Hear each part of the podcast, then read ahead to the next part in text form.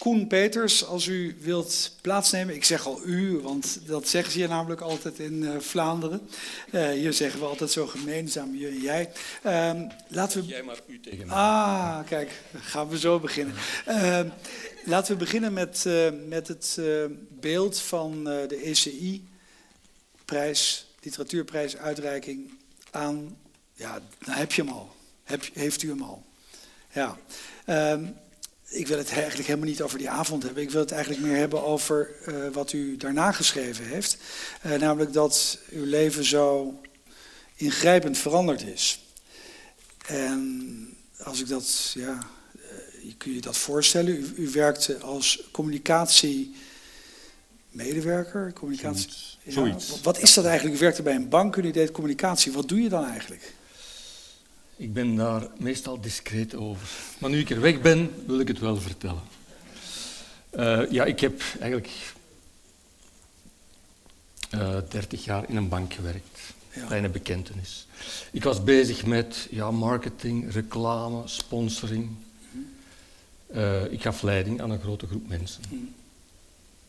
En s'avonds schreef ik boeken voor, om een onsterfelijkheid te verdienen. Ja.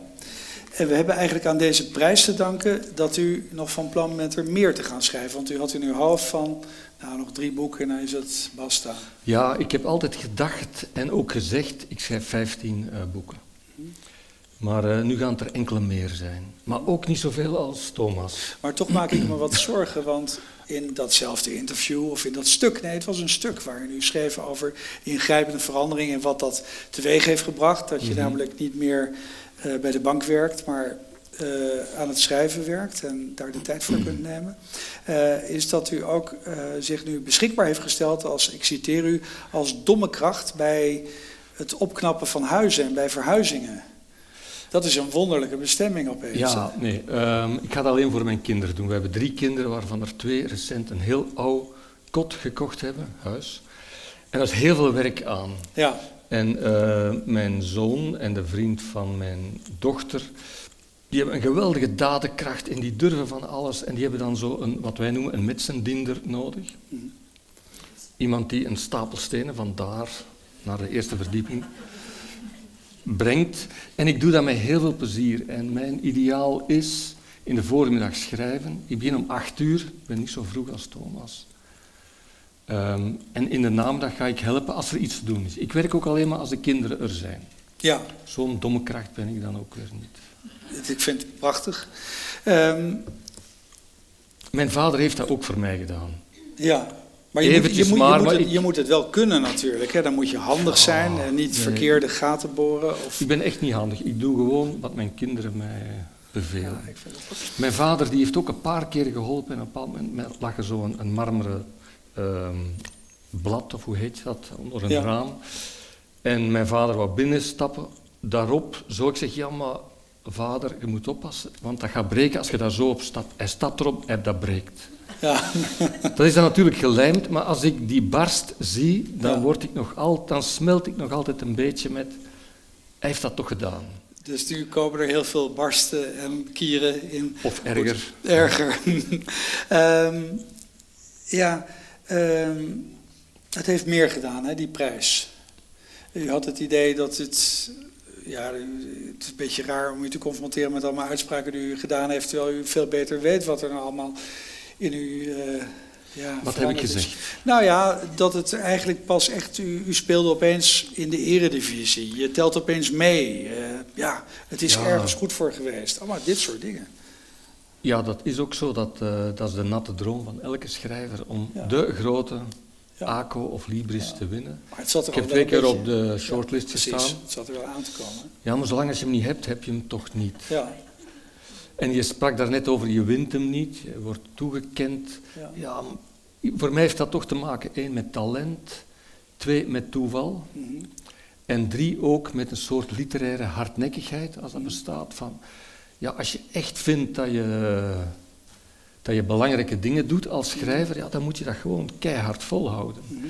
En in die zin is dat voor mij eigenlijk ook een heel ernstig eh, project. Dat klinkt allemaal heel pretentieus, maar het is eerder ambitieus.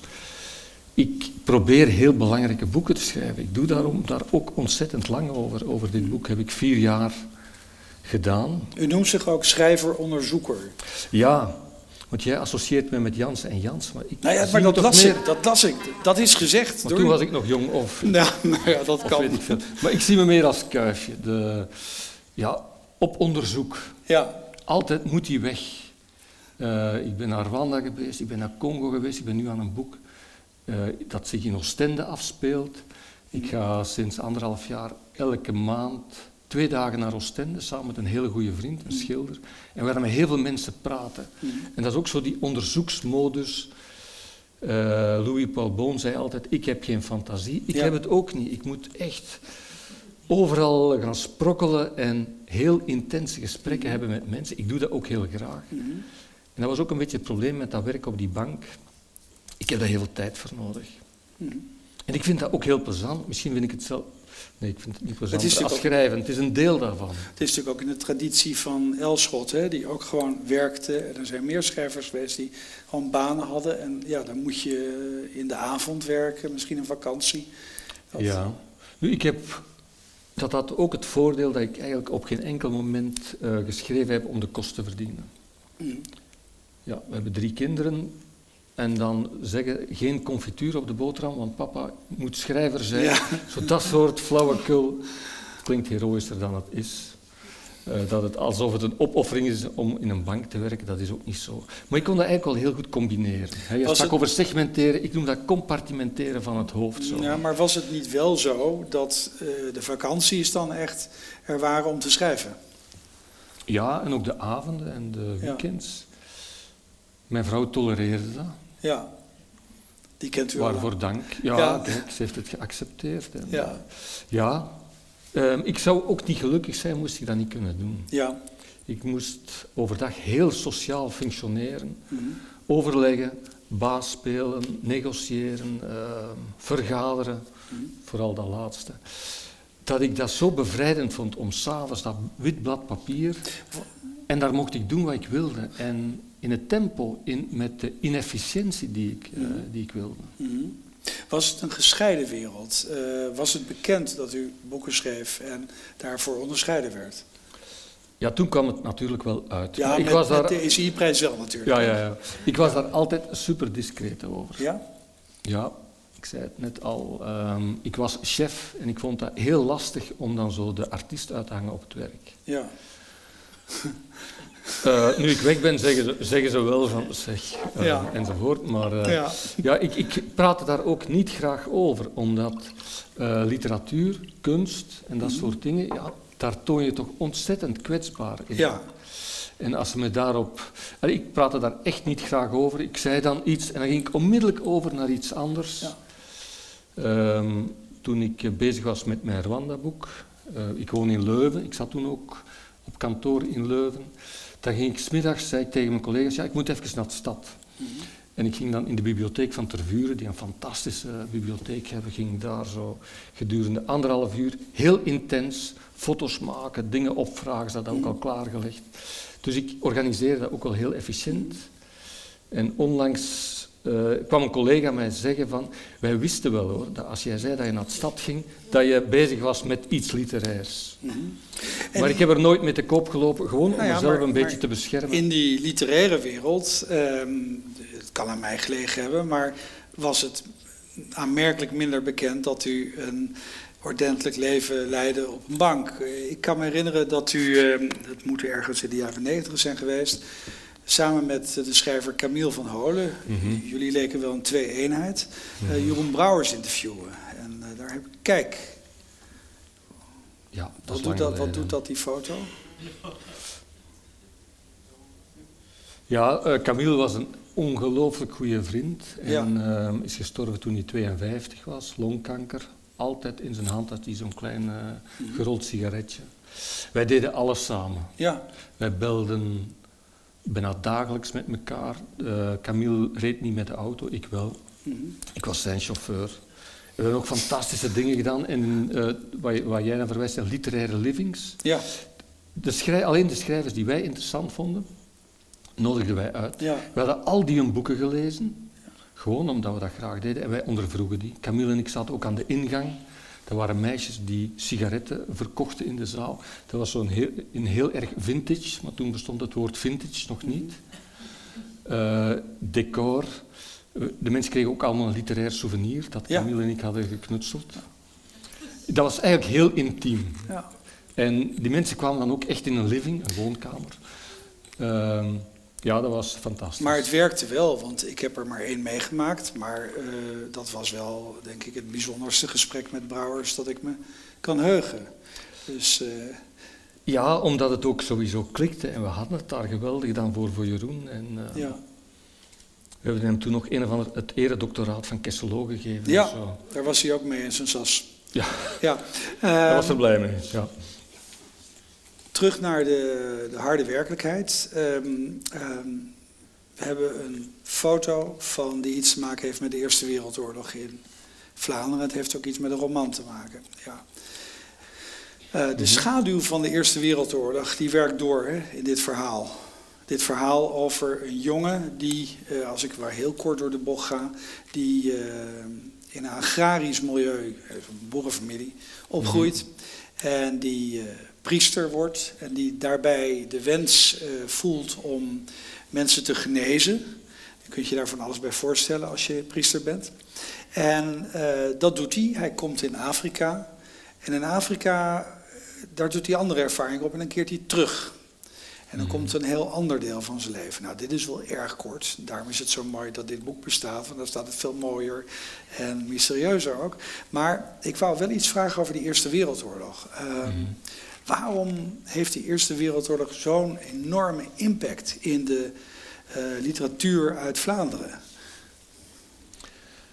Want, want menig schrijver van, ja, van, van jouw leeftijd, die hebben het nog steeds over. En, ja. Um, ja, het is natuurlijk honderd jaar geleden. Ja, tuurlijk. Um, maar bij mij was het eigenlijk zelfs dat niet, want het boek is in die zin wat te laat verschenen. Ja. Um, ik heb in 2013 Eerste Wereldoorlog ging van 14 tot 18. Mm -hmm. Zeg ik hier, want jullie hebben die niet gehad natuurlijk. Jawel, we, we waren neutraal. we hebben een miljoen Belgische vluchtelingen gehuisvest. We zijn nog, jullie nog steeds dankbaar. Ja. ja. Um, maar in de Westhoek, waar het boek zich afspeelt, um, zijn van de 9 miljoen mensen die gesneuveld zijn in de Eerste Wereldoorlog, 500.000 op eigenlijk een heel beperkt gebied uh, gesneuveld. En die zitten in de grond. Jongens, mannen. Mm en dat creëert toch een heel bijzondere sfeer op, op die plek. In 2013 uh, eh, ben ik daar heel vaak gaan rondfietsen, rondlopen, met uh, oude boeren gaan praten. Um, en vanaf 2014 tot nu is het daar super druk. Daar is zo'n hele toeristische exploitatie in, die mij eigenlijk persoonlijk heel erg stoort. Onlangs was er bij ons een bunkerweekend. Dan kon je bunkers gaan bezoeken. Gezellig, hè? Zo. Um, men zegt bij ons dat er zoveel zelfmoorden gebeuren in de Westhoek, onder andere daardoor. Hmm.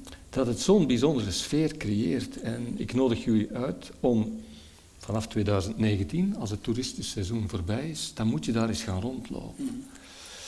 En wat mij bijzonder frappeerde was hoe boeren hun perceel met spruitkool, tarwe, uh, gerst enzovoort, dat ligt vlak naast die begraafplaatsen. Hmm. Daar is, en, en die begraafplaats, je hebt het gezien, ja. super mooi verzorgd. Het gras gemillimeterd, allemaal eendere zerkjes, ja. uh, bloemetjes daartussen enzovoort. Indrukwekkend hoe boeren daarmee kunnen omgaan. En boeren hebben natuurlijk ook heel dat landschap terug opgebouwd. Met al zijn intelligentie die in grond kan zitten, met afwatering, paadjes, uh, vruchtafwisseling enzovoort. En dat intrigeerde me zeer, omdat eigenlijk het levensverhaal is van mijn prof antropologie. Ja. En in die zin, die timing van die oorlog, dat staat eigenlijk wat buiten mij. Het was door een gesprek met mijn prof antropologie, die dat boerenzoontje was. Dat was zijn persoonlijk verhaal. In die zin is het, is het echt geen fictie, ook al staat er roman op. Maar het is zo gevoed door dat onderzoek en die gesprekken met mijn professor en ook met de twintig Jezuïeten met wie hij samen was. En doordat ik naar Congo ben gegaan enzovoort. Maar ik begon niet voor niets over die Eerste Wereldoorlog en uh, het Westland. Uh, de roman begint eigenlijk met uh, iets wat ik opvat als een filosofisch idee dat geconcretiseerd wordt in de rest van het boek. En dat heet de daimon, op zijn Grieks Mhm. gezegd. Ehm, en hoe ik het vertaald heb tijdens het lezen is dat dat iemand is die je eh, op een ander pad kan brengen. Die je eh, ja, kan helpen op een bepaalde manier. Eh, dat is het niet helemaal, hè? maar ik vat die daimon Ja, ook een ja. beetje op als dat wat er misschien in het Westland rondgiert. Ja. Wat er in Afrika kan rondgieren. Ehm, weet je, ik maak het onderscheid tussen, dat is mijn filosofisch theorietje, de geest. Mhm. En dat is de geest die in een familie hangt.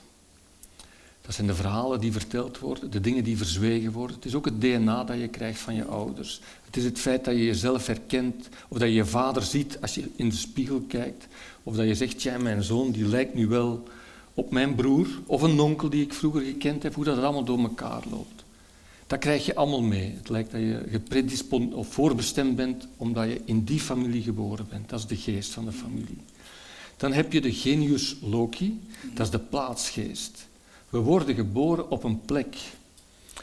We worden geboren in België of in Den Haag of in een bepaald milieu. En al die verhalen die daarbij horen. Dus als je in de Westhoek grootgebracht wordt, ja, dan krijg je, daar staan overal van die koperen obussen, of hoe heet dat hier, Eh, die staan daar. En dat is eigenlijk heel gek, alsof wij vandaag een mitraillet op, op de schoorsteen zouden zetten. Nee, die staan daar, die worden goed opgeblonken, dat is koper. Wat is dat dan toch? Om dat te bezweren wat daar ooit gebeurd is. Dat hoort bij die genius loci. En dan lijkt het natuurlijk dat we helemaal voorbestemd zijn om in de voetstappen van onze ouders en onze omgeving te lopen. En dan bedacht ik iets wat ik bij Plato gelezen heb. En die zegt, je hebt de Olympos, waar de goden wonen. En die sturen af en toe een boodschapper naar ons, gewone stervelingen, om iets te komen zeggen. En plots verschijnt er iemand in jouw leven. Je moet naar huis gaan, want er zitten vrijers te, te loeren op jouw vrouw. En je moet onmiddellijk de boot pakken en naar huis gaan. Alsof er een, iemand gezonden wordt. En bovendien heb je soms ook het gevoel dat je mensen tegenkomt aan wie je dingen kunt zeggen die je zelfs niet aan je vrouw kunt zeggen. Een vreemdeling die dat meepakt naar ergens en dat geeft jou troost of een soort bevrijding. Nu, ik geloof niet in de, de Griekse goden, ik geloof zelfs niet in God, maar toch ben ik ervan overtuigd dat er in ieders leven, en ik heb dat vastgesteld door met zoveel oude mensen te, oudere mensen te praten, als zij hun leven vertellen, die zeggen, ik ben toen iemand tegengekomen die, vaak zijn dat leraars, Maar je komt duizenden mensen tegen in je leven. ja, maar sommige ontmoetingen zorgen ervoor dat... Ik kom uit een gezin van vijf jongens. Ik ben, eh, en wij zijn allemaal verschillend, nochtans komen we allemaal uit hetzelfde nest, vader, moeder enzovoort, allemaal opgegroeid in Turnhout. En het is banaal of het is juist niet banaal. Ik kom in Leuven mijn vrouw tegen, die van Oostende is. Ik voel mij nu meer thuis in Oostende dan in Turnhout.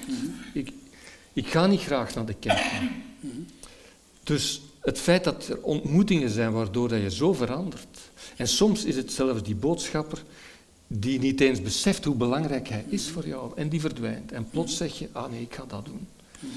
En voor mij is in die zin de ontmoeting eh, zo fundamenteel, meer nog dan het andere. En dat is ook zo voor de antropologische ontmoeting. Iemand verlaat België, die gaat naar Congo, zoals het verhaal is in het boek. Die gaat daar spreken met mensen, ondervraagt die, leeft met hen en dat verandert hem. En als hij terugkomt, is hij niet meer thuis. En bovendien, ik heb dat ook meegemaakt in, in ik heb tachtig gesprekken gehad voor dat boek. Ik spreek met iemand en op eh, drie uur, en soms ga ik nog terug, heel intens, heel schoon. Ik discussieer nooit met mensen. Ik, ik vraag hen gewoon uit. En op het einde zeggen die mensen, dank u wel Koen. Terwijl ik zoveel van hen gekregen heb, maar zij hebben alles kunnen ordenen. Alles weer netjes op een rijtje gezet en alles heeft, is weer betekenisvol. En dat verandert hen ook een beetje. Gewoon doordat ik die vragen stel, dat ze de betekenis zien in retrospect. Kun jij in je boek, je roman, eh, kun jij een passage eh, voorlezen die je het meest vindt beantwoorden aan de Daimon? Of je gaat iets anders doen? Ja. Ja, Ik, ik zal uitleggen dat het toch zo is. Maar ik ga iets vooraan voorlezen, omdat Ja. Thomas het einde nam, ga ik iets van in het begin lezen. In alles wat in de Westhoek wordt gezegd, klinkt een galm. Het is een klein, gonzend geroffel, alleen opgemerkt door een gevoelige observator. Misschien wordt het ritme, de resonantie via de sporen van hazen in de aarde gelegd. Hazenprenten. Dat zou een mooie theorie zijn. Dat oude geschiedenissen per hazenpoot neerdalen en weer opstijgen in al wat groeit. Veelsoortig, onuitroeibaar, elk jaar opnieuw. Deze verhalen verliezen zichzelf in bloemblaadjes, zachte, rode, bloedrode bloemblaadjes. Ik bedoel klaprozen. In Flanders fields the poppies blow between the crosses, row on row, that mark our place, and in the sky the larks, still bravely singing, fly, scarce heard amid the guns below. Of in korenbloemen, dat zou ook kunnen, zei onkel Marcel. Knorrig, wrijvend met de hand over zijn voorhoofd. De ogen trillend gesloten. Larks, wat waren dat ook weer, jongen? Dat zijn leeuweriken, nonkel. En amid, wat betekent dat, Remy? vroeg nonkel Marcel. Tussen, nonkel. Het gedicht zegt, de leeuweriken zingen dapper, zij vliegen, maar niemand kan hen horen tussen het lawaai van de wapens. In de klas hebben wij dat gedicht van buiten geleerd. Van buiten? vroeg nonkel Marcel. Ja, want wij hebben in de klas nog geen Engels geleerd. Dus daarover ging dat gedicht, zei onkel Marcel. Zijn bezweten voorhoofd deppend met zijn zakdoek. Daarover gaat het altijd, zei hij. Overal zijn geheimen en opdrachten, droevige geheugensporen. Niemand is de eigenaar ervan. Daarom blijven ze hangen tussen de mensen. Weet je waarom? Ik wist het niet. In onze streek is te veel gebeurd, zei onkel Marcel. Hij wees in de verte naar de drie heuvels op een rij, de Kemmelberg, de Rode Berg, de Zwarte Berg. Voor de rest was het landschap plat, een strak getrokken laken. Soms leken de schuren boven de graanvelden te zweven. Bij de minste hitte zinderde de lucht. Elektriciteitsdraden huppelden op stelten naar de boerderijen en overal waren de boeren aan het werk. Ook in de felle regen of wanneer een striemende wind uit de zee opstak. Onkel Marcel zei, onze streek is verdoemd. De geest schroeit, iedereen met mild vuur. Enzovoort. waarom dit stuk? Wel, het begint meteen met Remy, de kleine jongen, Ja, die in het echt Renate Vis heet. Eh, en zijn onkel Marcel, die de broer is van zijn vader. Eh, ongehuwd.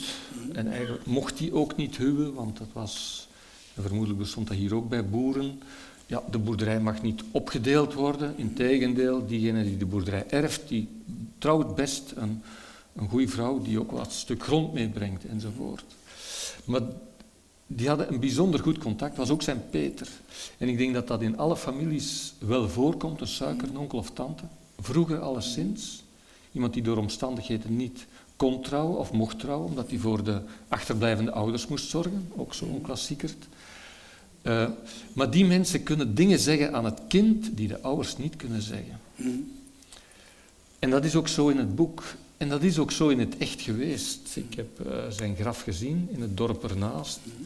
Eh Remy had zo iemand, zoals heel vaak iemand heeft, die dingen kan meedelen en eh, die ook ontregelender kan optreden dan gewoon de ouders. Dat hoeft allemaal niet zo pedagogisch te zijn. En in die zin is het ook een daimon natuurlijk. Iemand die jou iets zegt en jou een andere kant doet uitgaan. was, jij, u bent eerder in Afrika geweest. Je mag jij eerder, zeggen. jij. Kijk, Oef, het dit is toch is gebroken. Dit, dit is een historisch moment, hè? Je voelde het moeizaam, en, In- in maar nu, In Antwerpen zeggen ze, zegt ga maar eu tegen mij.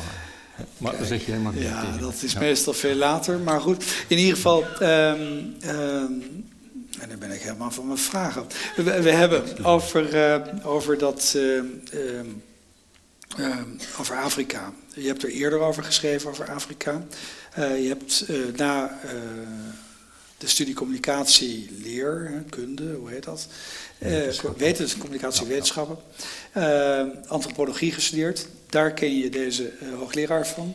Ehm, Afrika, krokodillen. Was Afrika een ehm, moeilijke wereld om in kaart te brengen, omdat het genre al zo ongelooflijk vaststaat? De Congo-roman in België. Uh, iedereen heeft hier waarschijnlijk wel Jeff Gerards gelezen. Dat is toch een heel ander genre Congo-roman dan jij geschreven hebt. Ja. Was dat een drijfveer om juist zo'n roman hier ook van te maken voor een deel? Um, toen Moet dat misschien uitleggen? Voor, ja, ja. Toen ik een klein jongetje was, ging ik uh, naar de rommelmarkt en ik wou heel veel boeken hebben. We hadden thuis eigenlijk niet zoveel boeken. Ik kon daar van alles goedkoop kopen. Onder andere zo van die koloniale boeken bij ons. Ja. Zal hier ongetwijfeld ook bestaan. En dan vaak ook kinderboeken. Bart in Congo. Mm. Uh, gevaarlijke slangen in de Rimboe en, en al, al, dat soort onnozeliteiten. Ik heb dan ook enkele bananendozen vol van in de kelder staan. Um, en ik had die. Ik was daar heel ja. content mee. Maar voor mij, ik, ik hield ook heel erg van die zwart-wit foto's van Congo. En ik uh, had op die manier een soort veilig Afrika bij mij. En het duurde eigenlijk tot ik ongeveer 50 was dat ik dacht, ja, dat kan toch niet antropologie gestudeerd hebben en nooit in Rwanda of Congo geweest zijn. Mhm. En toen zocht ik terug contact met mijn professor antropologie, voor wie ik ehm, op het belachelijke af respect had. Ik was daar bang voor eigenlijk toen ik studeerde. Ik verstond ook maar 70, 80 procent wat, wat hij zei, omdat hij zo... Ja, die, die, had, die was zo indrukwekkend voor mij dat ik hem amper durfde aanspreken. Maar elke keer als ik een boek uit had, ging ik dat bij hem in de bus steken. Hij woont in een dorp naast uh, Leuven. Ja. En dan stuurde hij een briefje terug en hij zei, Koen, kom eens binnen, dan kunnen we eens praten. Ja. Ik durfde niet. Ja. Op een bepaald moment gaat hij met pensioen. Hij is 65. Hij zegt, ik heb geen zin in al dat academisch gedoe met liber amicorum, uh, academische zittingen en ik weet niet wat. Ik ga twaalf mensen die bij mij gestudeerd hebben, die iets speciaals gedaan hebben met antropologie, ik ga die één keer per jaar uitnodigen bij mij thuis in Sint-Amans. Zijn vrouw kookt. En wij vertellen aan elkaar wat wij het voorbije jaar gedaan hebben. Mm. En dat is een hoogmis, om een katholiek woord te gebruiken, of een, een geloof. Dat bestaat bij protestanten ongetwijfeld ook. En in andere Nou, kerken het een klinkt meer hoogmis. naar discipelen eigenlijk. Ja, eh, we zijn Ja. met 10 à 12 Ja. ongeveer, ja. En wij zitten daar en wij vertellen wat we het voorbije jaar gedaan hebben en wat we gaan doen. En op die momenten, ehm, die klok van die boerderij tikte daar, tik, tik. En vertelde hij af en toe iets van Leiselen, van waar hij afkomstig is in de Westhoek. En zij begreep ik voor het eerst, die man is gaan bij de Jezuïeten gegaan, om dan in Congo bij heel eenvoudige Jaka, een etnische groep, eigenlijk tussen de boeren gaan leven, omdat hij geen boer wou worden. Mhm. En toch gaat hij daar bij de boeren, ja, dat zou wel eens Jaka kunnen zijn als ik de maskers goed zie, ja. En de hutten, maar Naat heeft niet graag dat ik hutten zeg, die zegt je moet woningen zeggen. Mhm. Ehm, en toen begreep ik zijn fundamenten van, daarom is hij antropoloog geworden. Bovendien kwam ook dat verhaal van de schuld naar boven. Er was iets gebeurd op de boerderij. Zijn moeder had een, een ongeluk. Zijn moeder zei, onze drie kinderen moeten weg van deze boerderij, want hier hebben ze geen toekomst. En de vader wilde maar één ding, dat is de boerderij doorgeven aan de zoon, aan Remy. En dat was zo lastig voor hem dat hij iets zei dat zijn ouders op geen enkele manier begrepen, namelijk, ik ga bij de Jezuïeten.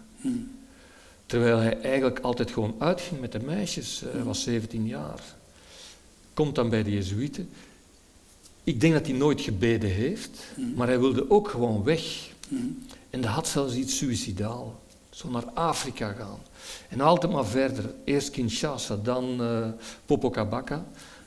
Het komt trouwens ook voor bij Kuifje, Popocabaka. Ik ben er echt geweest in Popocabaka. Wonderlijk. Ik weet niet goed waarom eh, Hergé dat heeft opgepikt. Is een, een raadsel. En dan naar eh, dorpen waar, als je daar iets eh, voor hebt, appendicit of zo, dan ben je dood. Die, dat avonturier zijn is vaak ook iets suicidaal. Dat is het gevaar opzoeken. En voor mij was dat eigenlijk ook... Ik was daar zo bang voor dat ik dat heel goed aanvoelde van... Hoe, wanneer durf ik eindelijk naar Congo gaan? Of naar Rwanda gaan? Ehm, dit is absoluut, dit is een, uh, volgens mij is dit een, een postkoloniale nou ja, Congo-roman. Terwijl Jeff Gerards, gelukkig is die nooit in het Frans vertaald. Want dat is zo'n fout boek. Ja, dat, dat is een goed is, geschreven dat, boek. Dat maar is het echt meer een soort seksueel roofdier hè, in, de, in Congo. En dat is niet hoe je jouw roman kunt opvatten. Uh, zo Nee. het, het, het libidinaal of, of de, de Ja. wellust die wij zien in het lichaam van de, de zwarte medemens. Mhm. Ja, intussen weten we al lang dat dat eh, belachelijk is. Trouwens, de omgang met seks, Mhm. om het te noemen, in die omgevingen waar mensen, waar de vrouwen met de borsten bloot lopen. eh, als ze rouwen, ik ben bij een begrafenis geweest, ja, dan die vrouwen beginnen plots hun kleren uit te doen, Mhm. beginnen, pardon, eh, ontbloten hun bovenlijf. En dat voor ons, wij vinden dat heel moeilijk om te begrijpen, terwijl zij eigenlijk super, eh, veel meer eh, ritueel omgaan met seksualiteit. Mhm. En veel preutser zijn dan wij. Dus dat zijn allemaal fixaties in het hoofd van Jeff Gerards. Mhm. Toen hij oud was, is hij nog eens teruggegaan. En dan kwam hij ook terug met de schandelijke verhalen over de pijngrens van eh Congolezen die veel lager lag. En dat was nog niet zo erg, die zweep enzovoort. Hij leefde nog steeds in het Congo dat hij zelf geschreven had. Mhm. Schandelijk, maar een goed schrijver. en gelukkig dat nooit in het Frans vertaald. Ja. Ehm, ja, we hebben nu een paar maal erover gesproken. En, maar eh, ik hoorde eigenlijk net van je in het voorgesprek dat ehm, er nog een andere Belgische striptekenaar belangrijker voor je is dan Hergé. Of was dat niet helemaal zo? Want het was eh, Nero, hè? dat Mark Sleen, dat... Of, Ja, maar die Maar is wellicht hier niet zo bekend. die is denk ik niet zo bekend hier. Nee. Maar eh, Kuifje wordt daar nog gelezen in Congo. Ja, Ehm, en vooral vroeger ook. Het was ook een manier voor hen om zo België te leren kennen. mhm. Ehm, bij ons waren er nogal wat propagandafilms die vertelden over het leven in Afrika. Mhm. En die films werden nooit vertoond in Congo. Mhm. Daar werden andere films getoond. Mhm. Het is ook zo dat de Congolezen eigenlijk nooit naar België mochten komen. Dat is pas in 1958 veranderd met de expo. En ik denk dat jullie in Nederland, ja, die hebben een veel langere koloniale traditie, dat dat ook echt wel fundamenteel anders is. Het is pas in 1958 met de expo dat er een groep Congolezen mocht overkomen. Die logeerden dan Tervuren, trouwens waar nu die bibliotheek is waar ik mijn boeken ging lezen. En plots begonnen Afrikanen, Congolezen van verschillende plaatsen van het land met elkaar te praten. En dat is een van de redenen van het ontstaan van het politieke bewustzijn, Lumumba was daarbij, waardoor het land dan plots in 60 Mhm. hals over kop onafhankelijk werd, Mhm. wat op veel plaatsen gebeurd is. En in veel landen zijn we, we zijn blij dat we er vanaf zijn. Eh, Ja. Alleen economisch bleef de greep nog wel, eh, wel groot. Mhm. Hoe was het om te werken met levend materiaal? Hoe kreeg je carte blanche van eh, deze hoogleraar en hoe heeft hij erop gereageerd? Dat wil ik toch wel even weten. Ja, ehm, weet je, op een bepaald moment begonnen die eh, vrienden in die groep te zien van, tja, Koen weet wel heel veel over Renaat. En een van mijn vrienden zei, Renaat, eh, je weet toch wel dat je je heel erg blootgeeft aan Koen. Mhm. Want je brengt hem in contact met je broer, met je zus, met, eh, met de, de mensen met wie hij in de klas zat. Al die jezuïeten met wie hij optrok. Hij, gaf, hij, hij, hij stuurde mailtjes naar die mensen en zei, ja, Koen is bezig met, enzovoort. Fantastisch, die introducties die, die je daardoor kreeg. En hij zei toen, ja, dat is een wederzijdse adoptie. Ah, Wat natuurlijk niet kan, maar wij, ja, wij zijn heel intiem met elkaar. Hij is eigenlijk ook ernstig ziek. Ehm, maar ik ga nu nog om de drie weken bij hem langs, omdat we nog bezig zijn aan een ander boek dat binnen vier jaar opnieuw verschijnt. mhm. Het is ook zijn boek. ja. Hij heeft heel eh, intelligente antropologische boeken geschreven over de Jaka en over andere zaken. Die... En ik vertaal dat naar, naar iets dat iedereen kan lezen. Mhm. Waren jullie elkaars daimon op een bepaalde manier? Hij was alleszins mijn daimon. Dat is En, duidelijk. eh, ja. maar- Of ben je Ehm, meer als schrijver een daimon voor andere mensen? Ja, maar ik vind dat heel moeilijk om te zeggen dat ik zijn diamond ben, omdat ik mij minder waardig voel. Aan de andere kant, toen ik de ECI-prijs eh, kreeg, uh, nodigde hij mij, uh, mijn vrouw en mij uit. Hij was zeer gelukkig. Mm. Ik stuur ook alle recensies door. En, hij, zei, hij is ooit eens, hij heeft een student gehad die doctoreerde mm. uit Nigeria, Zuid-Nigeria. En die had hem in contact gebracht met de koning van de Igbo. Mm. en uit waardering maakte die koning, Renate Vis, chief. En gaf hem een hele mooie grote staf, uh, meer dan een meter groot. Waardoor hij zelf een chief kon aanstellen. Waardoor hij zelf een chief kon aanstellen. Kijk, nu, nu gaat het komen. Die chief staat bij mij naast mijn boekenkast. Ik ben nu, want als je een keer chief bent, mag je iemand anders ook chief maken. Ah. En uh, ik ben nu chief bij de Igbo in Zuid-Nigeria. Mijn vrouw is chiefess, automatisch. Ja. En toen ik dat vertelde aan mijn kinderen, vroegen die, ja, en wat zijn wij dan? Ik zei, you are the children. Dat is uh, je reinste blauw bloed dan. Ja, hij is daar heel blij mee. Vooral ook omdat hij nu van alle kanten berichtjes krijgt. Want ja, in, achteraan in het boek staat ook uh, over wie het gaat. Mm -hmm. En over de Jakka, er is maar één expert van de Jakka. Mm -hmm. Dat is Renate Vis. Mm -hmm. En vanuit alle kanten, ook al omdat hij wat opgesloten zit, uh, krijgt hij dan feedback mensen die bij hem les hebben gehad, voor wie hij nog steeds een daimon is. Mhm. Want natuurlijk vaak mensen in het onderwijs, uh, een goede leraar Frans maakt dat in de klas een aantal van die studenten Frans gaan studeren, of die taal graag horen, of misschien terechtkomen in Frankrijk. Mhm. En dat soort zaken. Dus mhm. ik vind dat eigenlijk heel schoon om dat vast te stellen. En zeker om de mensen te horen vertellen. Als je hen ondervraagt, dat ze dat allemaal schoon achter elkaar kunnen zetten. Dat is één rechte lijn, terwijl als je jong bent, dat is een waaier van mogelijkheden die je verlamt. Mhm. Is dit je favoriete roman in je oeuvre? Um, nee, dat is altijd het boek waar ik nu aan bezig ben. waar je dan aan bezig bent. Mhm. Ik ben echt nog niet uitgeschreven. En dat is dan zo magisch dat daar niet over gesproken wordt? Jawel, jawel, ah. jawel, jawel. Dus ik ga elke maand met mijn goede vriend naar Oostende. Mijn vrouw is van Oostende. We hebben daar door een klein appartementje, kunnen we daar altijd uh, verblijven. En we gaan eigenlijk een beetje terug zoals bij dit boek. Wij vragen aan iemand om, leg ons iets uit van Oostende. En dan gaan we helemaal op pad met, met die persoon. Zover dat het haast een soort reenactment is. En dat is natuurlijk heel belachelijk. Maar ik geef een voorbeeldje. Uh, er is een foto van Permeke, de schilder, mhm. die heel lui op het gras ligt, samen met een hele goede vriend van hem, met een kussen onder hun hoofd. Ik denk dan een zondag, ze hebben goed gegeten. En, maar ik zie dat eigenlijk nooit meer, zo iemand die met een kussen in de namiddag op het gras gaat liggen. We liggen nu allemaal in zetels of wat is het, uh, enzovoort. Maar toen gingen ze dan nog een kussen binnenhalen enzovoort.